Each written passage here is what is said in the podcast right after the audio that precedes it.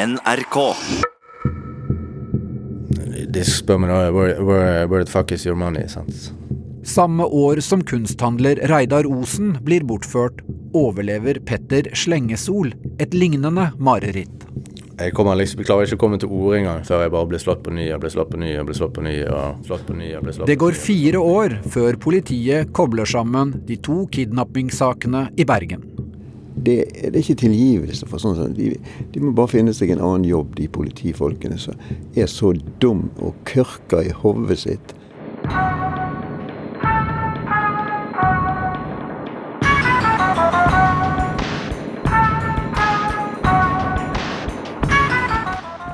Du hører på hele historien, bortført i Bergen av Gry Veiby. Tredje del.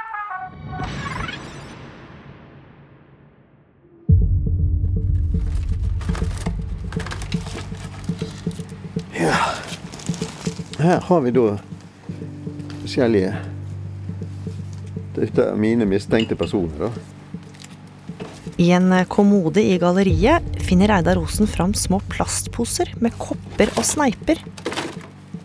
På dem har han sikra seg DNA fra de han mener bortførte ham. En av dem er den såkalte stemmen. jo nesten etterforskning på egen hånd. det. Ja. Jeg gjør jo det, når ikke politiet. I og med at han, stemmen blir sluppet ut. Uansett om jeg har rett med stemmen eller ikke stemmen, så skulle han vært varetektsfengsel, så de fikk ettergått denne saken her. Da hadde vi sluppet i årevis etterpå og tenkt på han og, ja.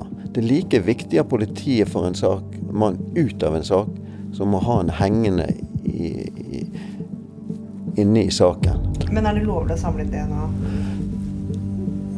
Det vet jeg ikke. Men jeg har nå gjort det. Jeg er en privatperson, så. Reidar Osen har også kjørt ut til området der mannen med den gjenkjennelige stemmen bor, og snakka med naboene hans. Og han har sikra varebilen han ble bortført i. Den står parkert på et hemmelig sted utafor Bergen. Jeg regner med at det kan kanskje finnes flere spor i, i denne her bilen, og sånn som dette, så den har jeg tatt vare på. Jeg har ikke akkurat noe lyst til å, å kjøre med den mer, så istedenfor å skrote den, så har jeg tatt vare på den. Og Og i beste sendetid på TV 2 utlover Osen en dusør. jeg vil utlove en belønning nå på 250 000 kroner til de som hjelper til så så denne saken får en, en domfelle. At vi får fatt de rette folkene og får de domfelt. Reidar Osen dobler snart beløpet. Men gjennombruddet lar vente på seg.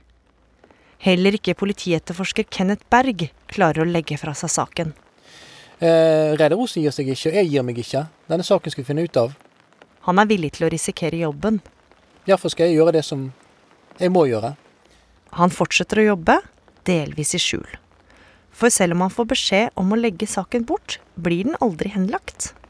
Fra voldsseksjonen så ser vi rett inn i Galleri Nygaten, der Reidar Osen er.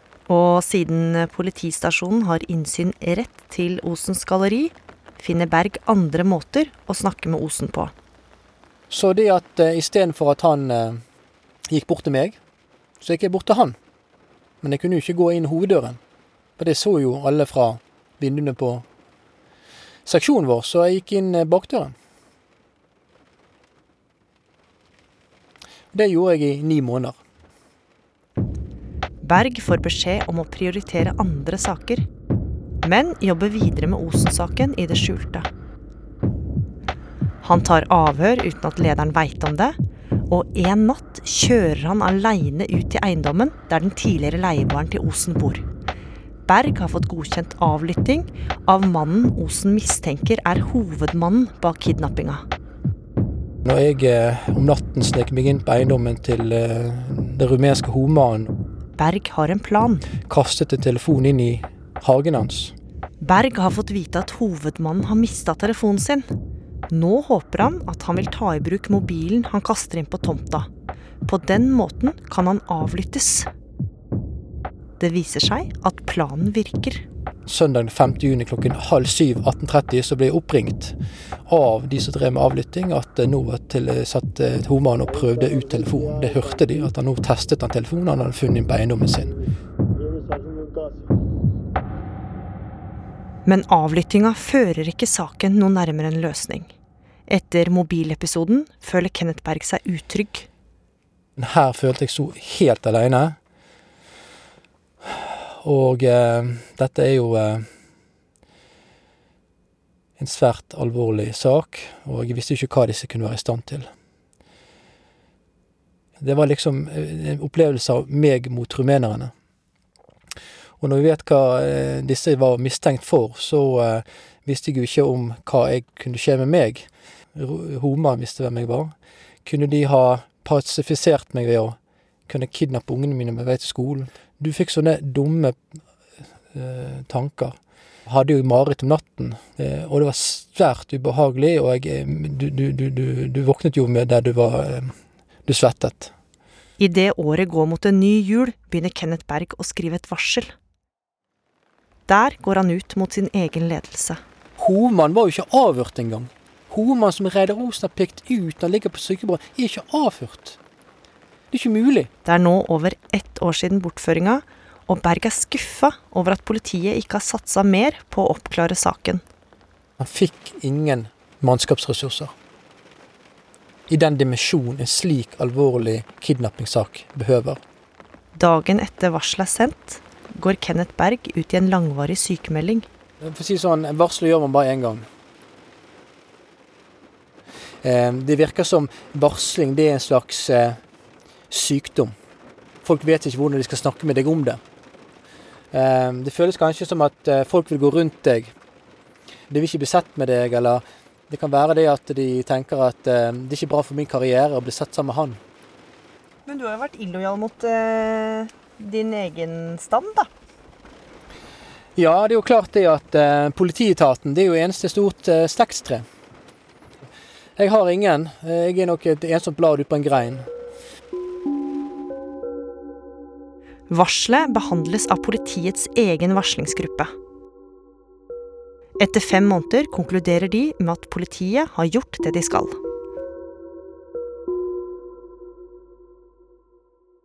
Han har varslet om en rekke feil i etterforskningen. Fravær av etterforskningsledelse, mangelfull etterforskningsplan, mangler koordinering av åsted. Kort tid etter kommer Kenneth Berg med ramsalt kritikk av politiet på TV 2. Denne saken kan ikke henlegges slik den ser ut. Hva skal vi kalle det? En, eh, det er et makkverk. Eller hva forstår ord? At det holder ikke mål. Det er nå to år siden bortføringa av Reidar Osen. Det gikk så langt at Berg fortsatte arbeidet med Osen-saken i det skjulte, for han hadde viljen han mener manglet hos politiledelsen. Man begynner etter hvert å gjøre ting i smug, og det føles veldig feil. Det er ikke slik det skal være. Dette skal vi være sammen om, for politiet kan når politiet vil. Men har, har ikke politiet villet her, da? De har ikke villet i det hele tatt. Det er vanskelig å si uh, om vi har gjort nok. Visepolitimester i Vest politidistrikt, Ida Øystese. Hun forklarer til TV 2 at eh, politiet står inne for prioriteringene som ble gjort. Når denne saken pågikk, så var vi helt i oppstarten av uh, darkroom-etterforskningen, som omfatter veldig, veldig mange overgrep mot barn. Berg anmelder også politimesteren og påtalelederen til Spesialenheten for politisaker. Også dette ble henlagt. Men varselet han skrev, fører allikevel til at saken blir sendt til politiet i Sogn og Fjordane. De skal se på den med nye øyne. Også Reidar Osen tar til tastaturet. Anmeldelsen gjelder tjenesteforsømmelse og grov uforstand i tjenesten angående etterforskningen i Osen-saken. Han anmelder politiet til Spesialenheten. Er det ikke alvorlig nok for visepolitimester Ida Øystese at jeg var så skadet i nyrene at jeg pisset blod og gikk med urinpose nede på ankelen i nesten et halvt år? Osen skriver med store bokstaver og ulike skriftstørrelser. Er det ikke alvorlig nok for visepolitimester Ida Østese at jeg med håndjernstrips både på hender og føtter, bli slept fra bil og kastet ned en skråning til en fordypning for å gravlegges der. Anmeldelsen går over 44 sider og har 20 vedlegg av ulike slag. Politiets behandling av Osen-saken er jo nesten som et det, det skrev med stor skrift dette òg, er jo nesten som et velkommen til oss her i Bergen fra politiet. Ida Øystese skriver til NRK at hun forstår at saken har vært krevende for Reidar Osen. Hun ble visepolitimester i Vest politidistrikt året etter bortføringa. Heller ikke politiet i Sogn og Fjordane kommer noe nærmere en oppklaring i Osen-saken. Men så, januar 2019, skjer det noe som gjør at den uoppklarte bortføringa av Reidar Osen igjen når nyhetsbildet. Politiet har funnet flere ark med beskjeder inne i huset til den savnede kvinnen i Lørenskog. Anne Elisabeth Hagen, kona til en av landets rikeste menn, er sporløst forsvunnet. Det er ingen tvil om at familien opplever bortføringen av Anne Elisabeth som en grusom og umenneskelig handling. Dagen etter at saken blir kjent, er Reidar Osen gjest i Dagsrevyen. Bortføringer i Norge er såpass sjeldent. Kan det være en sammenheng mellom sakene? Ja, Reidar Osen, velkommen hit. Ja, det. det har nå gått litt over tre år siden dette skjedde. Hva slags minner dukket opp etter at du hørte om forsvinningen eh, i Lørenskog? Jo, jeg fikk meg virkelig en oppvekker når jeg så dette. Jeg så, så det på nyhetene tidlig om morgenen. Og og sa til meg selv ja, nå skjer det igjen, sa jeg. Han forteller at han ser likheter mellom de to bortføringene. Reidar Osen sitter i hvit, nystrøket skjorte og viser fram voldsalarmen han alltid har på seg. Jeg har alltid med meg en sånn uh, politi... Så jeg har direkte forbindelse med politiet. Og Det er synd at det skal være sånn i Norge at man blir nødt til å gå med alarm. Altså, voldsalarm.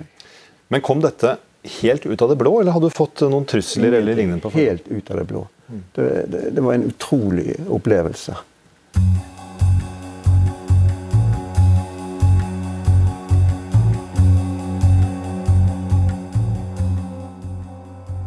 Under tre uker etter at Osen gjesta Dagsrevyen, kaller statsadvokat Ellen Katrine Greve politietterforsker Kenneth Berg til kontoret sitt.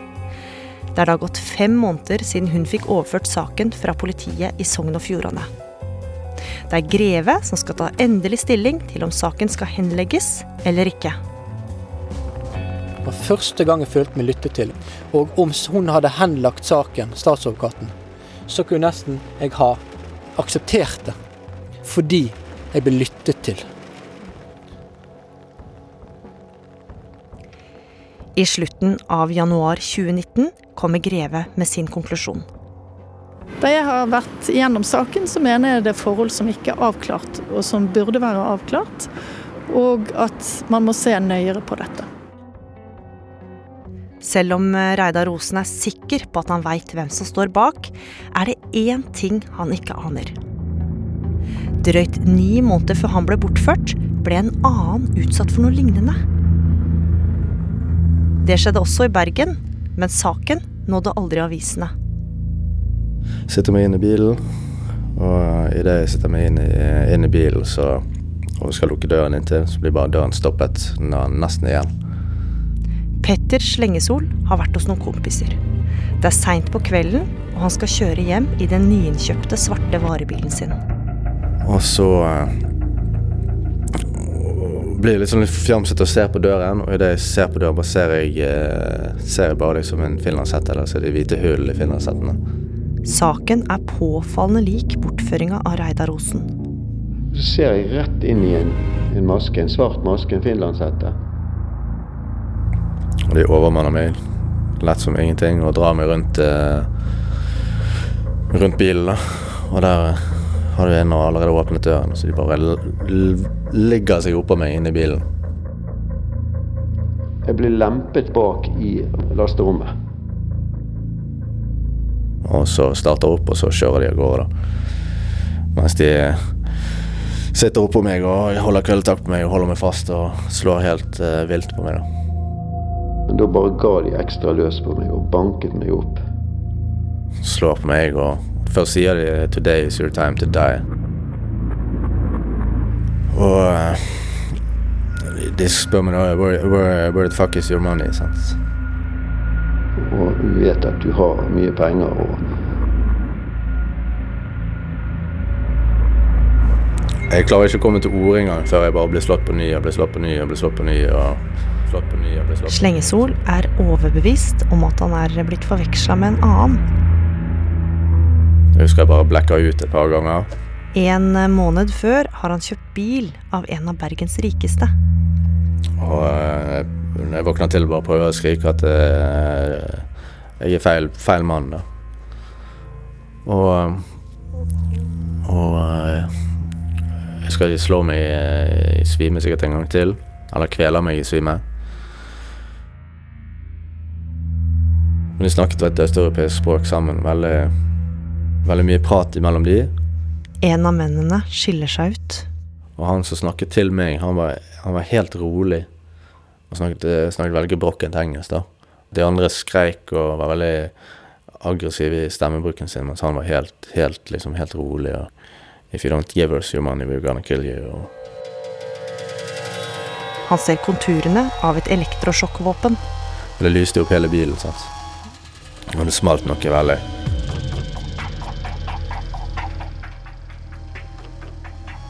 Og da ble jeg bare helt rabiat og klarte å gjøre alt for å klare å komme meg vekk, da. Jeg fikk panikk, rett og slett. Enda mer. De reiv jo av meg buksen. Reiv den i stykker og Da sa de at uh, nå skal vi kutte deg i ballene.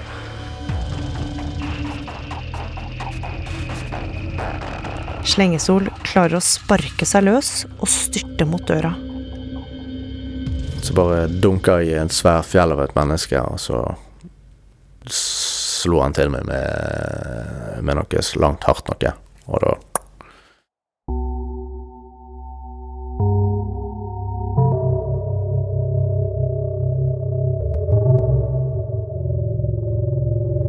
Når eh, Slengesol våkner, ligger han i fosterstilling i bakrommet på varebilen sin. Jeg var helt forfjamset, for jeg hadde jo et snitt som gikk under hele øyet. Da. Så alt her liksom hang ned på siden. og var kjent at det var blod, og, blod overalt. Og klærne mine var opprevet. Og jeg husker jeg bare lå Det var iskaldt. Han tør nesten ikke røre seg, før han skjønner at han er aleine. De maskerte mennene har dratt. Slengesol sliter etter overfallet. Politiet etterforsker saken, men ingen blir tatt.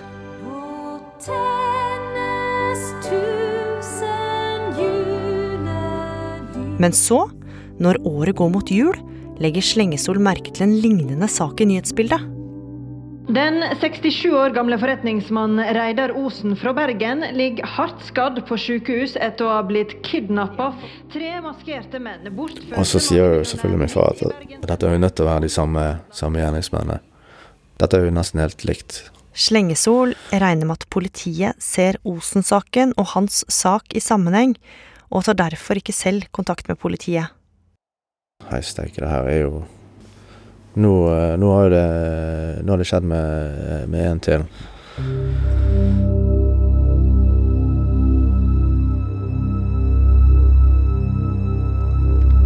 Litt over et år etter overfallet får Slengesol beskjed om at saken hans er henlagt.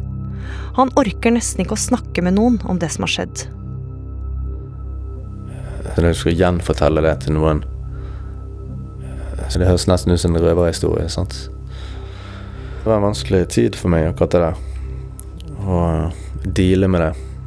Sant, og eh, Familie, venner og venner til min mor og de, og alle satte jo sine tanker på en måte rundt det. sant? I mars 2019 blir en ny etterforskningsgruppe satt på Osen-saken, etter at statsadvokaten sendte saken i retur. Det er da tredje gang bortføringa av Reidar Osen etterforskes. Men denne gangen blir alt annerledes.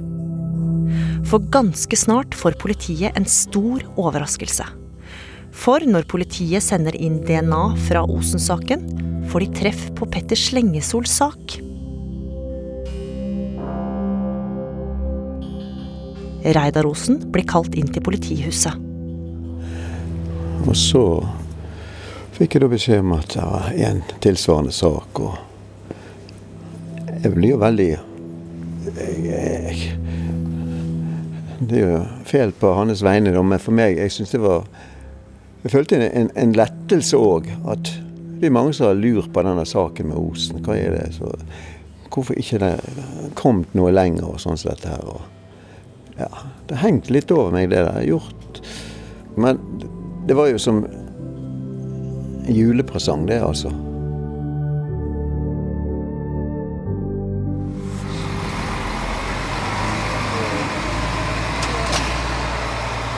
Han er bare jeg. Et stort smil, han. Reidar Osen slipper Slengesol og meg inn i varmen i Galleriet Nygåten. Hallo. Velkommen. Jo, takk, takk. De gir hverandre en rask klem. Det er snart fem år siden de begge ble bortført på hver sin kant av byen. Men det er først nå de kan dele erfaringer. Jeg har laget til noen drinker til dere her. Vi setter oss i en svart skinnsofa i en krok i galleriet. Slengesol og Osen sitter side om side og kikker inn i flammene i den store peisen. Tenkte jo ikke tanken at, eh, at det var noe jeg var på en måte hadde nødvendighet til å måtte fortelle politiet om at uh, kanskje det var en sammenheng mellom disse to sakene. og sånt. Jeg tok jo det som en selvfølge at de skulle koble denne saken. Men politiet kobla ikke sakene sammen, selv om bortføringene skjedde i samme år, i samme by. Det er jo dette ingen skjønner. At det samme politidistriktet her, med noen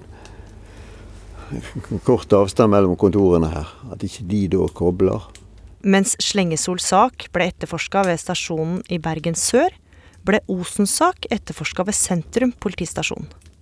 Det, det er ikke tilgivelse for sånn. De, de må bare finne seg en annen jobb, de politifolkene som er så dum og kørker i hodet sitt at, at ikke det da gir beskjed til Ja, vi har hatt en tilsvarende sak i februar i år. Kanskje der er noen sammenligninger der. Og etter noe Ja, det er jo en, det er på en måte en litt skam. Det er jo en skam for, for politiet at de kan At de kan få, få, oss, for oss også som borgere til å føle oss på en måte så, så lite tatt hånd om når vi mest trenger det, på en måte. sant?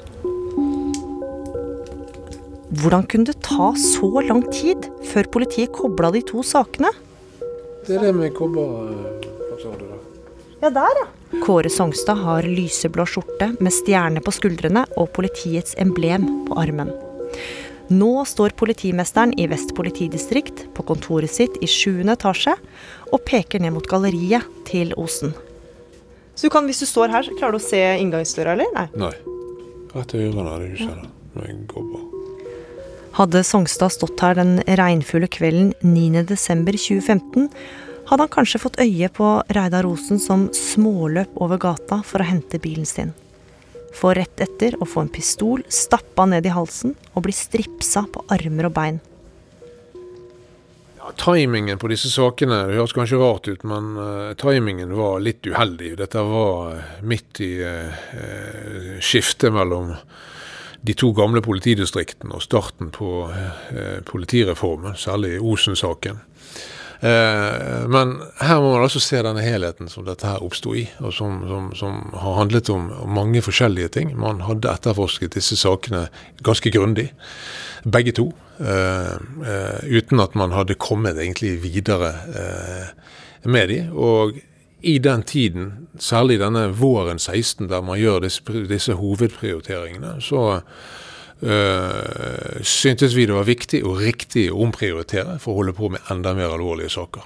Hvorfor ba dere ikke om bistand fra Kripos f.eks.? Ja, det er et godt spørsmål. Det kunne vi nok gjort. Vi gjorde ikke det. Ikke lenge etter at politiet ser de to bortføringene i sammenheng, kommer nok et stort gjennombrudd. For når politiet sender DNA-et til Interpol, får de et treff på en polsk mann. Snart blir han sikta i saken, og politiet jobber med utlevering av flere de mener står bak.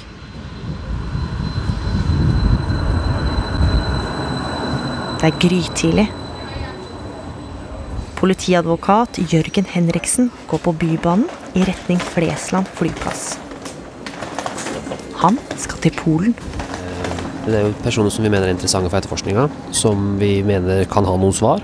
Eh, vi håper jo at dette eh, gir oss flere svar enn det vi allerede har. Det er jo en sak med mange spørsmålstegn. Nå er vi i en avsluttende fase. Det er egentlig dette her arbeidet her i Polen som gjenstår. Da har vi Da tror jeg vi har eh, gått gjennom det vi har av alt materialet, og da har vi vært vi sikra mye bevis, altså.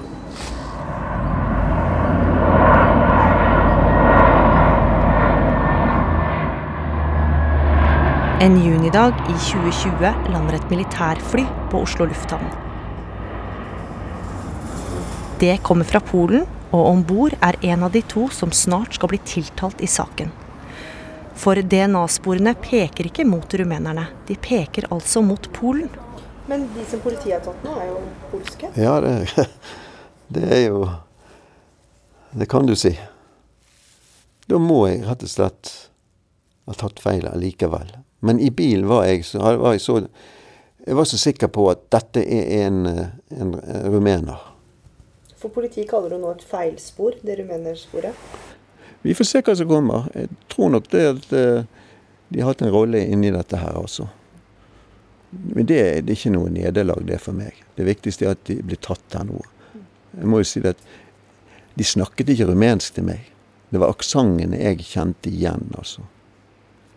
De snakket jo på engelsk til meg i bilen. Og hvis det er polakker nå, så får det bare være polakker. At politiet kaller den tidlige etterforskninga et feilspor, stiller etterforsker Kenneth Berg seg kritisk til. Eh, vi kan ikke forlange at Reidar Osen skulle vite hvem dette var. Han hadde sine antakelser, men hadde vi gjort de rette etterforskningsskritt til innledningen, så hadde kanskje etterforskningen staket ut en annen kurs. Kanskje det rumenske sporet ikke var så interessant likevel.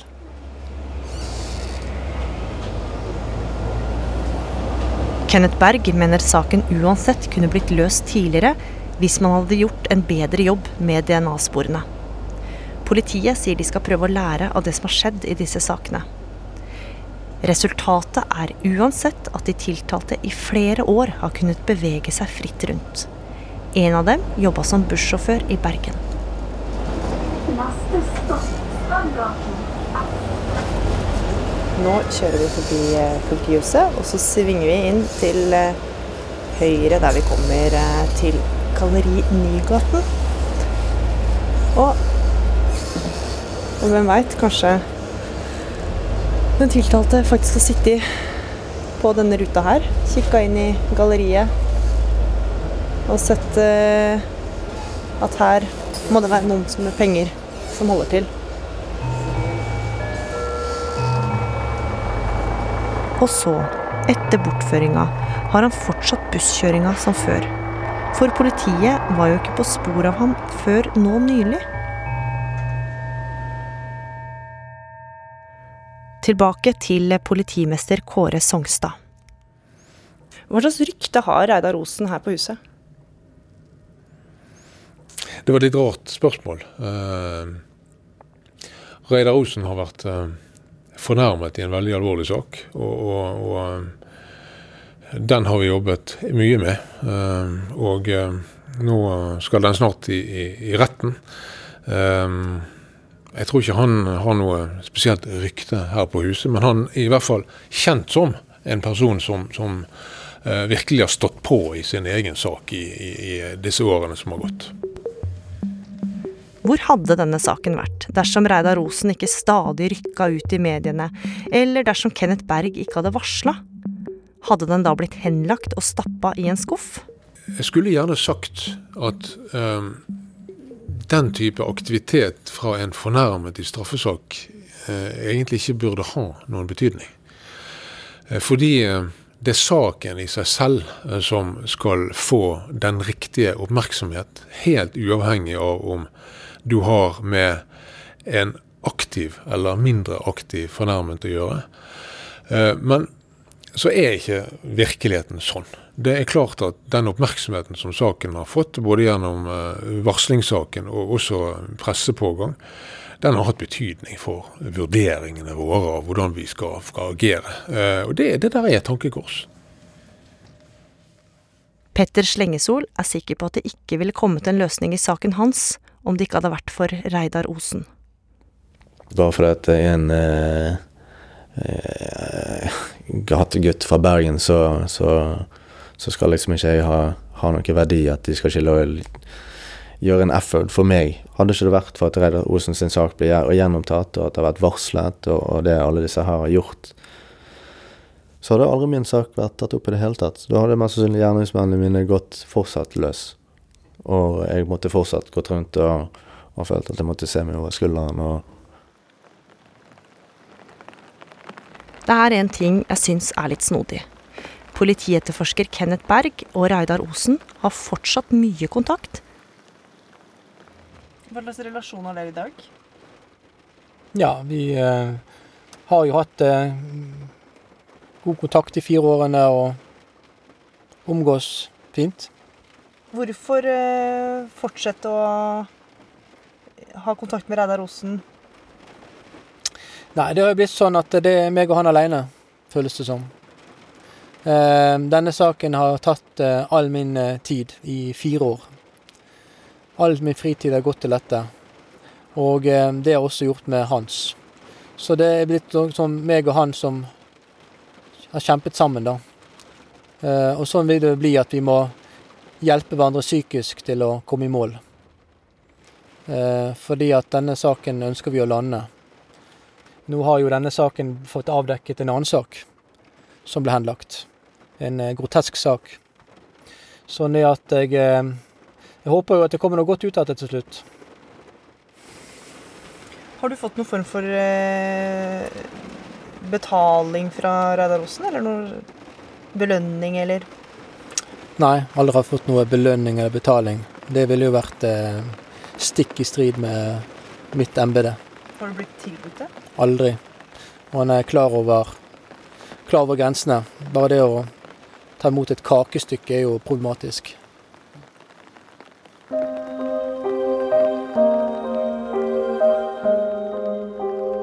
To personer står altså på tiltalebenken. Men både Reidar Osen og Petter Slengesol er overbevist om at det er noen som mangler.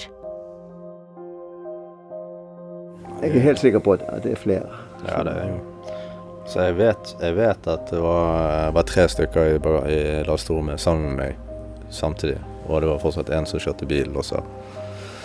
Da er det fire, da. Sånn, så det er i hvert fall fire. sier saken ikke ferdig ennå. Nei. Du mener fortsatt at det er Jeg håper jo det, så for da har jeg rett.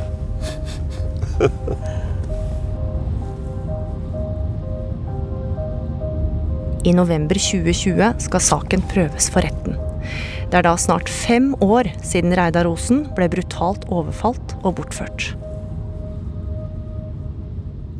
Jeg ser frem til å sitte i rettssalen og fortelle dommeren hva jeg har opplevd. Og så Jeg er veldig spent på hvem, hvem disse folkene er, altså. De sier de ikke kjenner meg. Jeg har sett noen bilder som ikke har vært altfor gode ut av de, og jeg har aldri sett de før.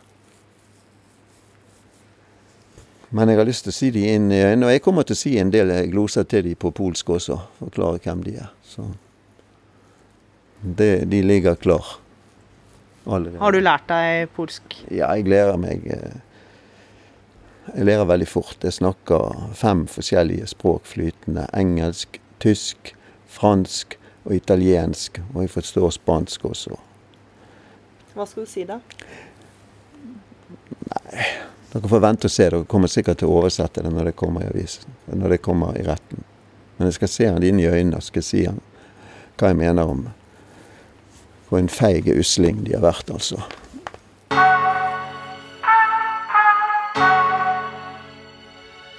Du har hørt tredje, og foreløpig siste, del av serien Bortført i Bergen av Gry Veiby.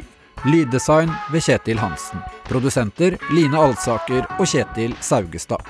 Delopptak ved Roy Hilmar Svendsen. Spesialkomponert musikk ved Hanne Hukkelberg. Redaktør er Siril Heierdal. Hør alle episodene i appen NRK Radio og podkasten Hele historien. Har du lyst til å sende oss en e-post, så er adressen krøllalfa nrk.no. NRK.